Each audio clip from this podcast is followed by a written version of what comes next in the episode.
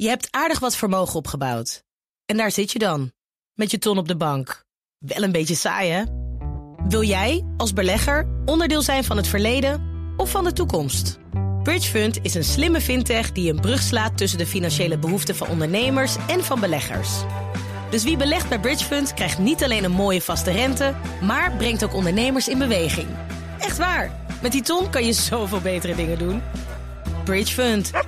Make money smile. BNR Nieuwsradio.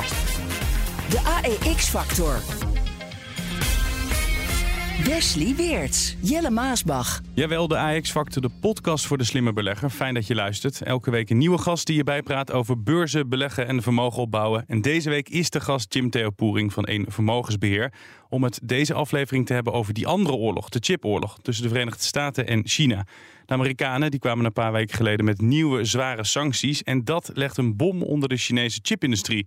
Maar het raakt ook chipbedrijven in andere landen, bijvoorbeeld ons eigen ASML. Ja, maar ook het Taiwanese TSMC zag mede hierdoor een groot deel van zijn beurswaarde verdampen. En des te opvallender is de aankoop van Warren Buffett, want hij koopt uitgerekend nu 60 miljoen aandelen van 's werelds grootste chipmaker. Dan hebben we het dus over TSMC. Dat werd uh, allemaal deze week bekend. Uh, Jim, waarom heeft uh, Buffett opeens zo'n trek in chips? Ja, hij heeft zich natuurlijk lang vergehouden van, chip en van chips en van tech. Hij heeft natuurlijk een grote positie in Apple, dat wel.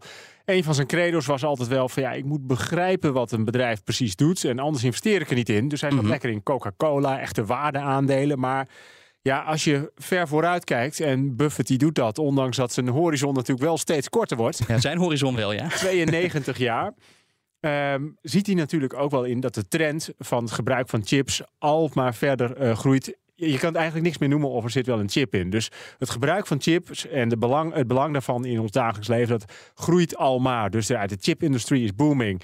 En ja, TSMC is natuurlijk de meest logische keuze om dan een uh, steek in te nemen. Maar dat ziet Amerika ook, dat die chips steeds belangrijker worden. Vandaar ook ja. die chipoorlog tussen Amerika en China. En dan zou je denken, ja, het kan ook een reden zijn om misschien wat voorzichtiger te worden. Want er, ja, er kleven ook wat risico's aan.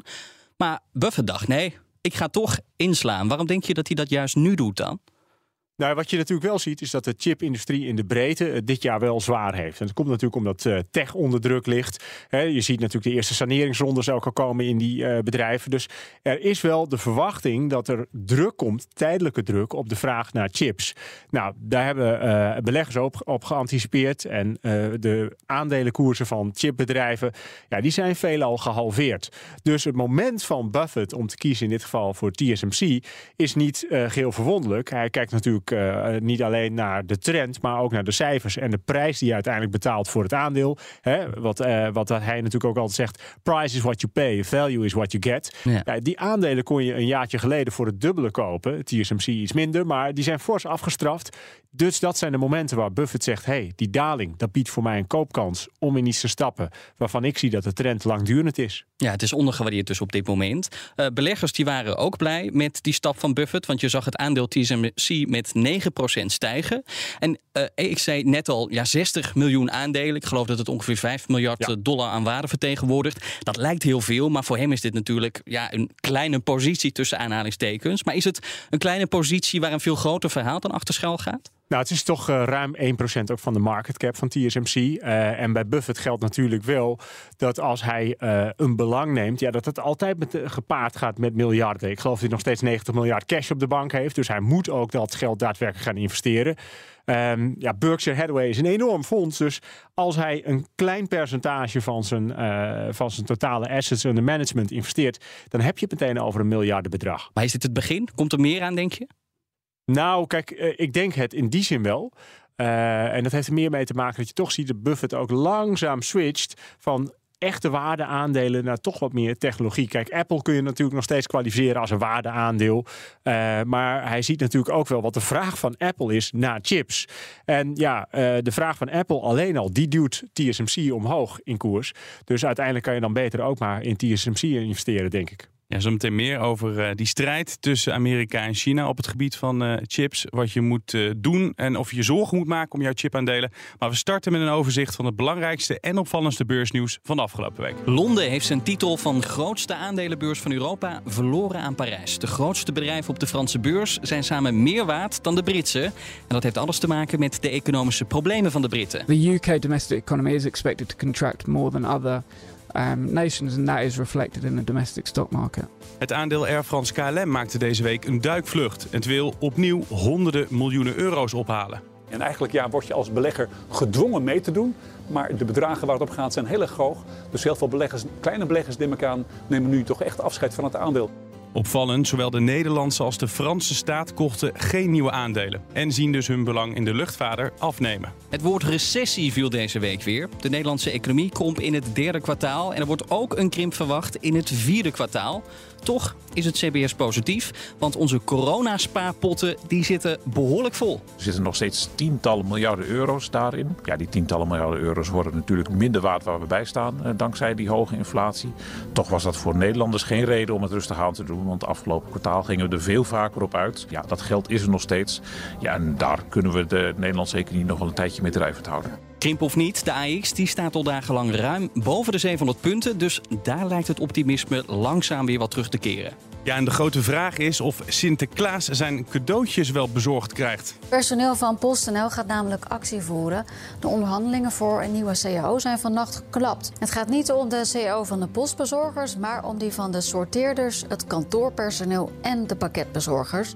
Presidenten Poetin en Zelensky waren er zelf niet bij, maar op de G20-top ging het toch vooral over de oorlog. De Oekraïense president Zelensky riep via een videoverbinding op. Наростити сили, а потім розпочати нову серію терору і глобальної дестабілізації. Maak een einde aan de vernietigende oorlog van Rusland. Om een einde te maken aan alle economische ellende moet de oorlog in Oekraïne stoppen. Dat zegt de Amerikaanse minister van Financiën Janet Yellen voorafgaand aan de G20-top. En Jim, dat klinkt lekker simpel. Geen hoge brandstof- en voedselprijzen meer als de oorlog stopt daar. Eh, klopt dat wat zij zegt? Nou, laat ik vooropstellen dat het altijd goed is als een politicus oproept tot het uh, staakt het vuren of het beëindigen van een oorlog. Um, het, grap, of ja, het is niet heel grappig, maar uiteindelijk is het alleen wel zo dat het niet zozeer de inflatie in de Verenigde Staten is die uh, beïnvloed wordt mm. door de oorlog in Oekraïne. Het is vooral in Europa waar dat inflatieprobleem extra groot wordt door de oorlog al daar. Um, sterker nog, de Amerikaanse economie die profiteert er wel van. Je ziet nu Amerikaans gas wat naar Europa komt en hier voor de hoofdprijs verkocht wordt, terwijl het daar goedkoop gewonnen wordt. Dus uh, ik ben het niet eens met Jellen. Ik vind het wel goed dat ze de oproep doet. Maar laten we wel wezen, uh, de hogere rente is sowieso noodzakelijk. Dat zet ook een druk op de, uh, op de economische groei. Uiteindelijk zal die inflatie ook naar beneden moeten. Maar het is niet alleen de oorlog. In Europa is dat een ander verhaal. Want daar is het natuurlijk gewoon zo dat, hè, neem Nederland, 60, 70 procent van die hele inflatie, van die 14 procent, die komt voor rekening van de gestegen brandstofprijzen. En geopolitiek bespreken we altijd met Bernard Hammelburg in de wereld. Maar toch een klein uh, uh, voorzetje met jou. Zie jij uh, Poetin zichzelf zich daar snel terugtrekken? Kijk, uiteindelijk is natuurlijk Poetin is al heel veel gevraagd om niet binnen te vallen, om terug te trekken, uh, om bepaalde acties al dan niet door te voeren. Die trekt wel geheel zijn eigen plan en trekt zich van niemand iets aan. Maar hè, ik, ik zit hier inderdaad uh, meer om uh, het macro-economische ja. en beleggingsstuk te beantwoorden. Dit is natuurlijk een politiek vraagstuk. Dus ja, wat ik lastig. daarvan vind, is eigenlijk ook de conclusie die elke luisteraar zelf kan trekken. Precies. En ook zelfs al eindigt de oorlog, dan blijft die boycott van energie uit Rusland van kracht. Dus dan blijven we ons ook nog gewoon blauw betalen aan olie en gas. Ja, want dat is natuurlijk wel de situatie. Hè? Als uh, Nederland of als uh, Europese Unie hebben gezegd... wij zijn solidair met Oekraïne... Uh, en die solidariteit die heeft zijn prijs. Namelijk ja, die hoge gasrekening die we nu allemaal gepresenteerd ja? krijgen. Ja, dus ja, uh, daar, daar hebben we ons aan uh, gecommitteerd. En eigenlijk moeten we nu ook niet gaan piepen. We willen iemand anders helpen, een ander land, andere soevereine staat. En uh, dat betekent voor ons wat meer kosten. Ja, stel dat die oorlog daar stopt, kunnen we die recessie dan nog afwenden of komt die er, denk jij, toch gewoon nog aan? Nou, de recessie die komt niet alleen voort uit de hoge energieprijzen, maar heeft natuurlijk wel een hele grote impact. Want als je, ik hou er altijd van om uh, uh, economische punten wat kleiner te maken. Het is heel simpel. Als onze gasrekening 300 euro is of 100, ja, dan blijft er 200 euro voor een gezin over die die kan besteden aan kleding, uh, uit eten gaan. Het maakt niet uit. Dat houdt de economie draaiende. Dus ja, als er nu één partij profiteert, dan zijn het hooguit de energiebedrijven. En het zet wel degelijk druk op de economische groei. Maar wat een veel grotere druk natuurlijk zet op de economische groei is de opgelopen rente. En ja, toch ook wel de angst die onder uh, consumenten en bedrijven heerst. En dat is natuurlijk meer een sentimentskwestie. En dan kan het wel helpen als we zien dat de inflatie lager is en oorlogsdrijving afneemt. Dat sentiment dat was de afgelopen tijd niet goed. Want beleggers uh, zagen het even niet meer zitten. Tenminste, als het gaat om beleggen. Want ze dumpten hun aandelen. Maar het geloof in de beurs lijkt langzaam terug te komen. Of nou ja, langzaam best wel snel eigenlijk. Want vorige maand stond de AX nog op 611 punten. Ja. Inmiddels staan we maar liefst 100 punten daarboven. Ruim zelfs. Als ik nu een blik op mijn scherm werp, dan staat de AX op 715 punten. Op het moment dat we deze podcast opnemen. Maar ja, de problemen zijn onveranderd, hoorden we net ook. Er is nog altijd een oorlog. Inflatie is torenhoog. Er dreigt een recessie. Dus van waar dat optimisme opeens, uh, Jim? Ja, beleggers die hebben de neiging om uh, alles te overdrijven. En vooral op korte termijn. Ze overschatten elk korte termijn uh, effect. En onderschatten misschien ook wel vaak de gevolgen op lange termijn van Mhm. veranderingen. Um, ja, uh, ik, ik moet altijd denken, en dat laat ik ook wel vaak zien aan klanten of in presentaties, aan een uh, cartoon die in 1971 in de Financial Times werd geplaatst. Waarin beleggers eigenlijk over elkaar heen rollen als het gaat over het kopen. Het echte kuddegedrag. Dat iedereen ja. ro roept buy, buy, buy. En dan is er ook iemand uh, uh, die, die zegt van ja, I've got a stock here that could really excel. Nou, dat wordt geïnterpreteerd als sell. En vervolgens roept iedereen sell, sell, sell. Ja. Dus en dan rent iedereen naar de uitgang. Iedereen rent naar de uitgang. En dat is eigenlijk wat je hier ook ziet. Die ene specifieke dag waar uh, je het over had. Toen zakte bijvoorbeeld een ASML. We hadden het over chip aandelen. Die zakte van 440 euro naar 375 in de dag. Tijdens de dag draait het sentiment weer. En nu hebben we dan een inflatiecijfer wat meevalt. Ja, dat in is dat Amerika inderdaad, dat Amerikaanse inflatiecijfer. Exact. Vorige week, vorige week donderdag, hè, want er stonden we nog substantieel lager, 10% lager dan nu. Ja. En uh, ja, dat was voor beleggers ineens het houvast om te denken dat de rente minder hard zal stijgen dan vooraf gevreesd. Uh, en dat gaf met name alles wat tech was of wat meer met vreemd vermogen was gefinancierd.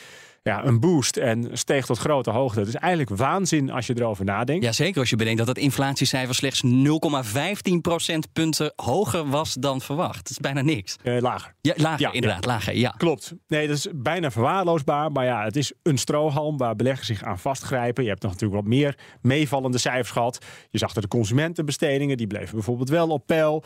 Um, dus ja, uh, beleggers overdrijven eigenlijk standaard naar beneden toe. En ze overdrijven ook standaard naar boven toe. En daarom is het ook zo belangrijk dat je als belegger, als je zelf echt in de markt zit, moet je je eigenlijk niet te veel blind staren op die korte termijn beweging. Het gaat over de lange termijn groei, de grote cyclus en niet over wat gebeurt er nou in een week of in een maand. Nee, beleggen dat doe je niet voor een week of voor een maand, dat doe je voor jaren. Maar denk je wel dat dit een structurele weg omhoog is? Dat is nu lastig misschien te zeggen, maar zijn er aanwijzingen die daar wel op duiden?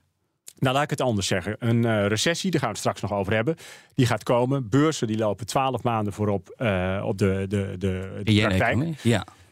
Um, of de realiteit. En wat we natuurlijk al hebben gezien is een daling van 25% op de bodem van aandelen wereldwijd. Dus er is ook echt al wel een recessie ingeprijsd. Afnemende bedrijfswinsten. Um, dus vanuit dat perspectief denk ik niet dat er nog een hele grote daling komt. Maar het optimisme wat er nu op korte termijn heerst, is misschien ook wat overtrokken. Maar daarmee zeg je eigenlijk ook dat de tweede helft van 2023 ziet er dan goed uit. Uh, wel voor wat betreft uh, de aandelen. Het uh, ergste in de reële economie, dat moet nog komen. Ja, 900 punten volgend jaar, is dat haalbaar? Nee. Ja, kijk, Uh, had je me dat ten tijde van corona gevraagd, uh, had je gezegd. Uh, toen stond de Ajax op een gegeven moment onder de 400. Als jij had gezegd van ja, gaan we naar 600, had ik ook gezegd nee. dus ik zeg met grote stelligheid nee. Maar ik weet inmiddels ook dat op de financiële markten alles kan gebeuren wat je niet verwacht. Maar als je me vraagt naar waarschijnlijkheid, dan zeg ik nou waarschijnlijk niet. Nou, we gaan het zien. Terug naar de chipstrijd tussen Amerika en China. It is the latest source of tension between the United States and China. President Joe Biden is accused of weaponizing technology for imposing sweeping controls on sales of semiconductors to Beijing. China is criticizing the U.S. over its decision to tighten export controls that would target Chinese chip manufacturers. And this is more evidence that, of course, this. Uh, tension uh, on the technological front between China and the United States is ramping up. Die uh, nieuwe sancties, die zware sancties waarmee Amerika vorige maand kwam, Jim, wat, wat houden die uh, precies in? Chipbedrijven is verteld dat zij niet langer meer mogen leveren aan China. Tenminste voor een groot deel van, uh, van hun productie en hun afzet. Dus de impact daarvan die is heel groot. En dat wordt allemaal gedaan onder het mom van dat uh, nou ja, de, de, de krijgsmacht baat zou hebben bij die nieuwe technologie. Ja. Uh, die dus waar Amerika nu nog voorloopt en China wat achter en een inhaalslag kunnen maken. Maar het gaat natuurlijk verder, want het gaat niet alleen om defensie. Het gaat ook om de economische voorsprong die Amerika op dit moment wellicht heeft ten opzichte van China. En dat gat wordt steeds kleiner. Dus degene die aan het verdedigen hier is, dat zijn de Verenigde Staten. Ja, die Amerikanen die willen echt die Chinezen echt op afstand houden. Echt, in feite is het gewoon een exportban naar, naar China toe. Ja, we zien hier eigenlijk toch wel een beetje waar Trump op een gegeven moment mee begon. Uh, die start een handelsoorlog. Nou, dat ging dan met importtarieven. In dit geval wordt geprobeerd om China technologisch in de hak te zetten. Ja. Om ze op achterstand te brengen uh, qua technologie. Onder de mom van ja, hè, uh, wordt gebruikt Precies. voor defensie. Remt het ze af of zetten ze ook echt op achterstand? Want je kan, je kan een land bijvoorbeeld een paar maanden even afremmen. Maar kunnen ze ook echt een, een klap uitdelen, denk jij? Nou, het is natuurlijk wel een klap. Uh, misschien nog ook wel, met name ook voor de bedrijven die wel leveren, want die zien een streep door een deel van hun omzet gaan. Um, er is ook een grote lobby gaande vanuit de VS om overheden te bewegen om daadwerkelijk toe te geven uh, aan die ban op leveringen aan China. Maar het is precies wat je zegt. Je kunt het proces vertragen. Uiteindelijk is het natuurlijk wel zo dat China zelf ook ontwikkelt, wel gaat beschikken over die technologie. Wat ondertussen dus wel moet gebeuren, is dat de VS de nieuwste technologieën weet, uh, in huis weet te halen om die voorsprong te behouden. Maar hè, je kunt eigenlijk beter uitgaan van eigen kracht dan de ja. tegenstander zwak maken. Nou goed, in dit geval noem ik het dan de tegenstander. Uh, het is heel duidelijk. De Verenigde Staten wil de economische voorsprong en de positie wereldwijd waarborgen. Ja, we weten, dat hebben we ook in een eerdere aflevering besproken, Wesley. Kijk even naar jou. Dat we mm -hmm. over die macht van China hebben gehad. Dat zij echt de packleader uh, hierop uh, wilde worden. Ja, ook op het gebied van kunstmatige intelligentie ja. bijvoorbeeld. Dan moet je die chips, die, die heb je daarvoor nodig. Die heb je voor nodig. Ja. We hebben elke keer lachen gedaan over Sleepy Joe, over de Amerikaanse president Joe Biden. Ik heb het gevoel dat hij er veel meer bovenop zit dan zijn voorganger Donald Trump. In dit geval laat hij van zich horen. Kijk, uh, Donald Trump liet over alles de hele dag door van zich horen via Twitter. En uh, weet ik veel wat voor kanalen, zijn eigen uh, kanalen ook. Ja. Um, ik vind het juist wel sterk dat Joe Biden in dit geval eindelijk wel een statement maakt. En ook maatregelen doorvoert. Maar ja, ik heb dat gevoel minder. Misschien dat hij dat meer ook aan de achterkant doet. Je had het net over ASML. Dat ja. ASML op een gegeven moment binnen één handelsdag flink naar beneden ging. ASML had laatst een een uh, Investors Day. Uh, en toen zeiden ze, we worden amper geraakt. Ja.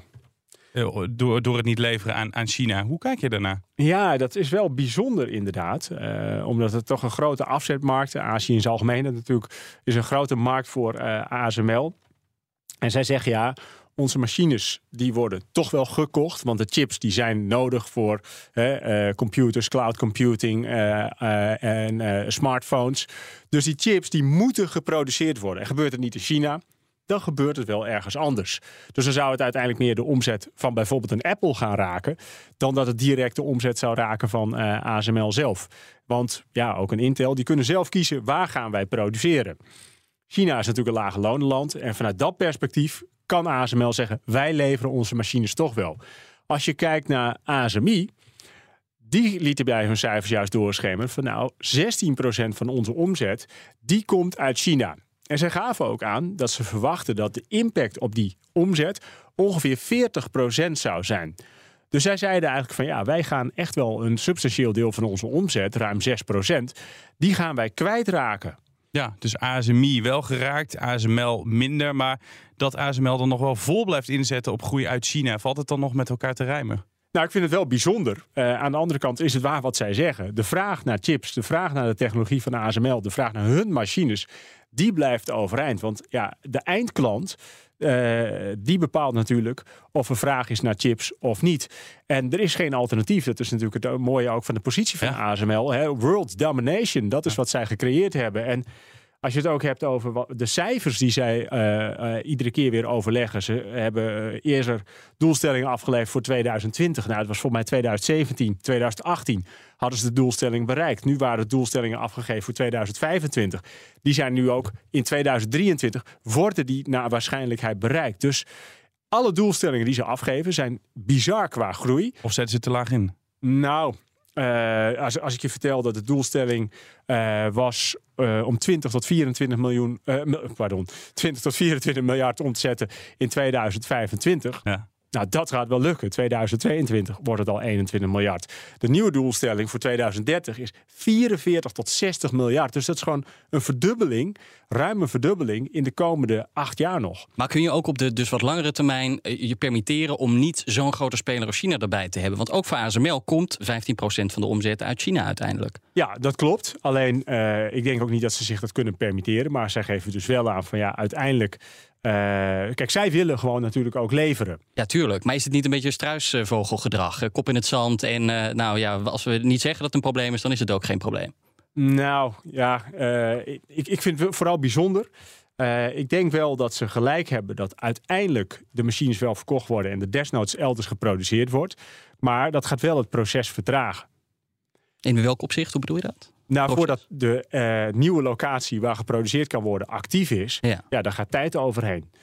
Dus in eerste instantie vind ik het bijzonder dat ASML eigenlijk zegt... ja, het wordt niet geraakt. Terwijl we eerder ook al hebben gezien... dat bepaalde machines niet geleverd mochten worden aan China. En toen zag je ook wel degelijk een koersreactie. En werd ook opgenomen in het kwartaalbericht... Uh, dat daar problemen waren met de levering. En dat de Amerikaanse overheid daarvoor lag. We hebben die G20-top gehad. Daar zijn we al een paar keer op teruggekomen. Want er werd veel besproken. Maar ook premier Rutte en de Chinese president Xi ja. hebben daar gesproken. Daar ging het onder meer over ASML. Volgens Bloomberg in ieder geval. Ja. En dan zou je zeggen, ja, als dat soort gesprekken plaatsvinden... dan is China misschien toch wel belangrijker voor ASML dan ze publiekelijk willen toegeven. Want zelfs Rutte bemoeit zich uh, hier dus mee. Of misschien is ASML wel belangrijker voor China dan wij denken. Ja. Dus de belangen die zijn uh, alle kanten op groot. En ja, dat is misschien wel bijna achterkamertjespolitiek. Want uh, Peter Wenning was ook ter plaatse, maar mocht niet aanschuiven of is niet aangeschoven. Dus wat in de basis denk ik altijd zo is, als we het hebben over een ban op levering, dat dat altijd een teken is van zwakte en de vrije markt uh, ja, tegengaat. Misschien hebben ze Sigrid Kaag nodig als oud-diplomaat. Want het heeft meer met diplomatie te maken dan, dan met handel, als ik het zo meekrijg dat zij de gesprekken voor Rutte even moeten overnemen? Nou, ik denk dat haar Engels in elk geval beter is. Maar ja, bij Xi Jinping maakt dat ook niet zo heel veel uit. Dus het zal allemaal met een tolk gaan. Nou, dit gaat heel erg over politiek. En uh, Jim, we kunnen van jou niet verwachten dat jij hier allemaal politieke analyses uit je mouw schudt. Tegelijkertijd zijn dit wel zaken waar je mee moet dealen als belegger. Hè? Die, die politieke perikelen. Want die bepalen namelijk of je ja, wel of niet in een uh, bepaald bedrijf of in een bepaalde sector stapt. Hoe, hoe ga je daarmee om? Misschien vanuit dat perspectief moet je als belegger accepteren dat er altijd onverwachte invloeden van buitenaf, in dit geval vanuit politieke hoek, zullen zijn. Uh, en aan de andere kant ook de politiek, uh, ja, ze zeggen regeren is vooruitzien, maar de politicus die uh, echt vooruitziet, ehm, die zit niet over het algemeen in de Nederlandse politiek, denk ik. Dan moet je inderdaad zijn bij een Xi Jinping die over de generaties heen kijkt waar China zou moeten staan. Bij ons is het meer dat we reageren dan regeren. En uh, hoe kijk je als uh, vermogensbeheerder dan naar het aandeel ASML, ondanks al die dingen ja. waar ze geen invloed op hebben? Um, nou, kijk, uh, ASML heeft een unieke marktpositie. Uh, concurrentie is beperkt. Als je kijkt naar wat ze de afgelopen jaren geleverd hebben, ik noemde het al, uh, qua omzetgroei, uh, qua, qua winstgevendheid, verbetering van de marge, dat is ongekend. Eerder was het alleen wel zo dat de waardering van ASML op een niveau lag dat de trend zou doorzetten zonder tegenslag. Mm -hmm. uh, een jaartje geleden stond de koers bijna op 800 euro. Nou, een paar weken terug op 375. Dus het aandeel is gehalveerd. Ja. En dat terwijl alle doelstellingen zoals eerder afgegeven nog intact zijn. Ook als je kijkt naar het bedrijfsmodel. Eerder was het de verkoop en levering van machines. Een groot deel is op dit moment ook het onderhoud van die machines. Dus een hele steady recurring uh, uh, omzet. Waarmee de verbondenheid met de klant uh, vele malen groter wordt. De klant die wordt loyaler en dus ook een zekerdere omzet. En afhankelijker, Kijk, nog afhankelijker. Precies. Dus uh, ja, hoe kijk je naar ASML? Wij hebben het voor onze klanten in portefeuille. We hebben een eerste positie genomen toen het aandeel nou, om en nabij de 500 stond. We hebben recentelijk de positie uitgebreid. Omdat we op de huidige koersen uh, het aandeel zeer aantrekkelijk gewaardeerd vinden. Als je ook bekijkt nu uh, bijvoorbeeld de, de programma's die gelanceerd worden, wordt voor 12 miljard nog weer aandelen teruggekocht. Dat is eigenlijk verkapt dividend, kapitaal teruggave aan de aandeelhouders. Kapitaal dat er is, bedrijven schuldenvrij. Dus het biedt kansen eigenlijk. dan dan sla jij toe. Zijn er nog andere Europese chipbedrijven die er ook zo voor staan dat je denkt, nou, nou, kijk, uh, als je het dan hebt over chipbedrijven in, uh, zijn op de Nederlandse beurs goed vertegenwoordigd. Maar ze hebben één ding allemaal gemeen. Ze zijn stuk voor stuk gehalveerd. Uh, de vooruitzichten zijn ietsje minder geworden. Maar als je nu kijkt naar de relatieve waardering, is eigenlijk de hele sector, wat ons betreft, aantrekkelijk gewaardeerd. Dus daar, uh, en als je zegt van ja, wat hebben jullie dan in portefeuille? Nou, toevallig uh, wat dichter bij huis. Uh, we leggen veel in individuele aandelen. ASML is een van onze posities. En Bezi hebben we om dezelfde reden ook opgenomen. Fantastisch bedrijf, maar eerder behoorlijk stevig geprijsd. Dus dat hebben we deze zomer gekocht. Ja, dus een beetje klassiek verhaal. Ze worden afgestraft en uiteindelijk worden ze toch wel weer opgekocht. Ja, en dan moet je als belegger één ding moet je wel goed rekening mee houden. Dit zijn cyclische bedrijven. Dus als het economisch minder gaat of minder dreigt te worden, dan zijn het de bedrijven die hard afgestraft worden. Nou, dat zie je in de praktijk ook. Andersom geldt ook. Uh, wanneer de economie aantrekt, zijn de bedrijven die uh, het eerste, of de aandelen die het eerste gaan reageren. Aangezien jij geopolitiek zo leuk vond, uh, willen we daar mee afsluiten. Chinese zijderoute. Nee. nee, nee. ja, leg eens uit. Biden en Xi die hebben elkaar ontmoet op Bali. Dus er zit ja. ook iets leuks in. Hè? Bali, mooi eiland. Uh, opvallend aardig en politiek correct in tegenstelling tot met uh, Trudeau. Uh, en Xi Jinping, dat ging wat minder gezellig. Als die verstandhouding tussen de Amerikaanse en de Chinese president zo blijft, kan natuurlijk ook voor de bühne zijn. Blijven de chipaandelen dan ook veilig?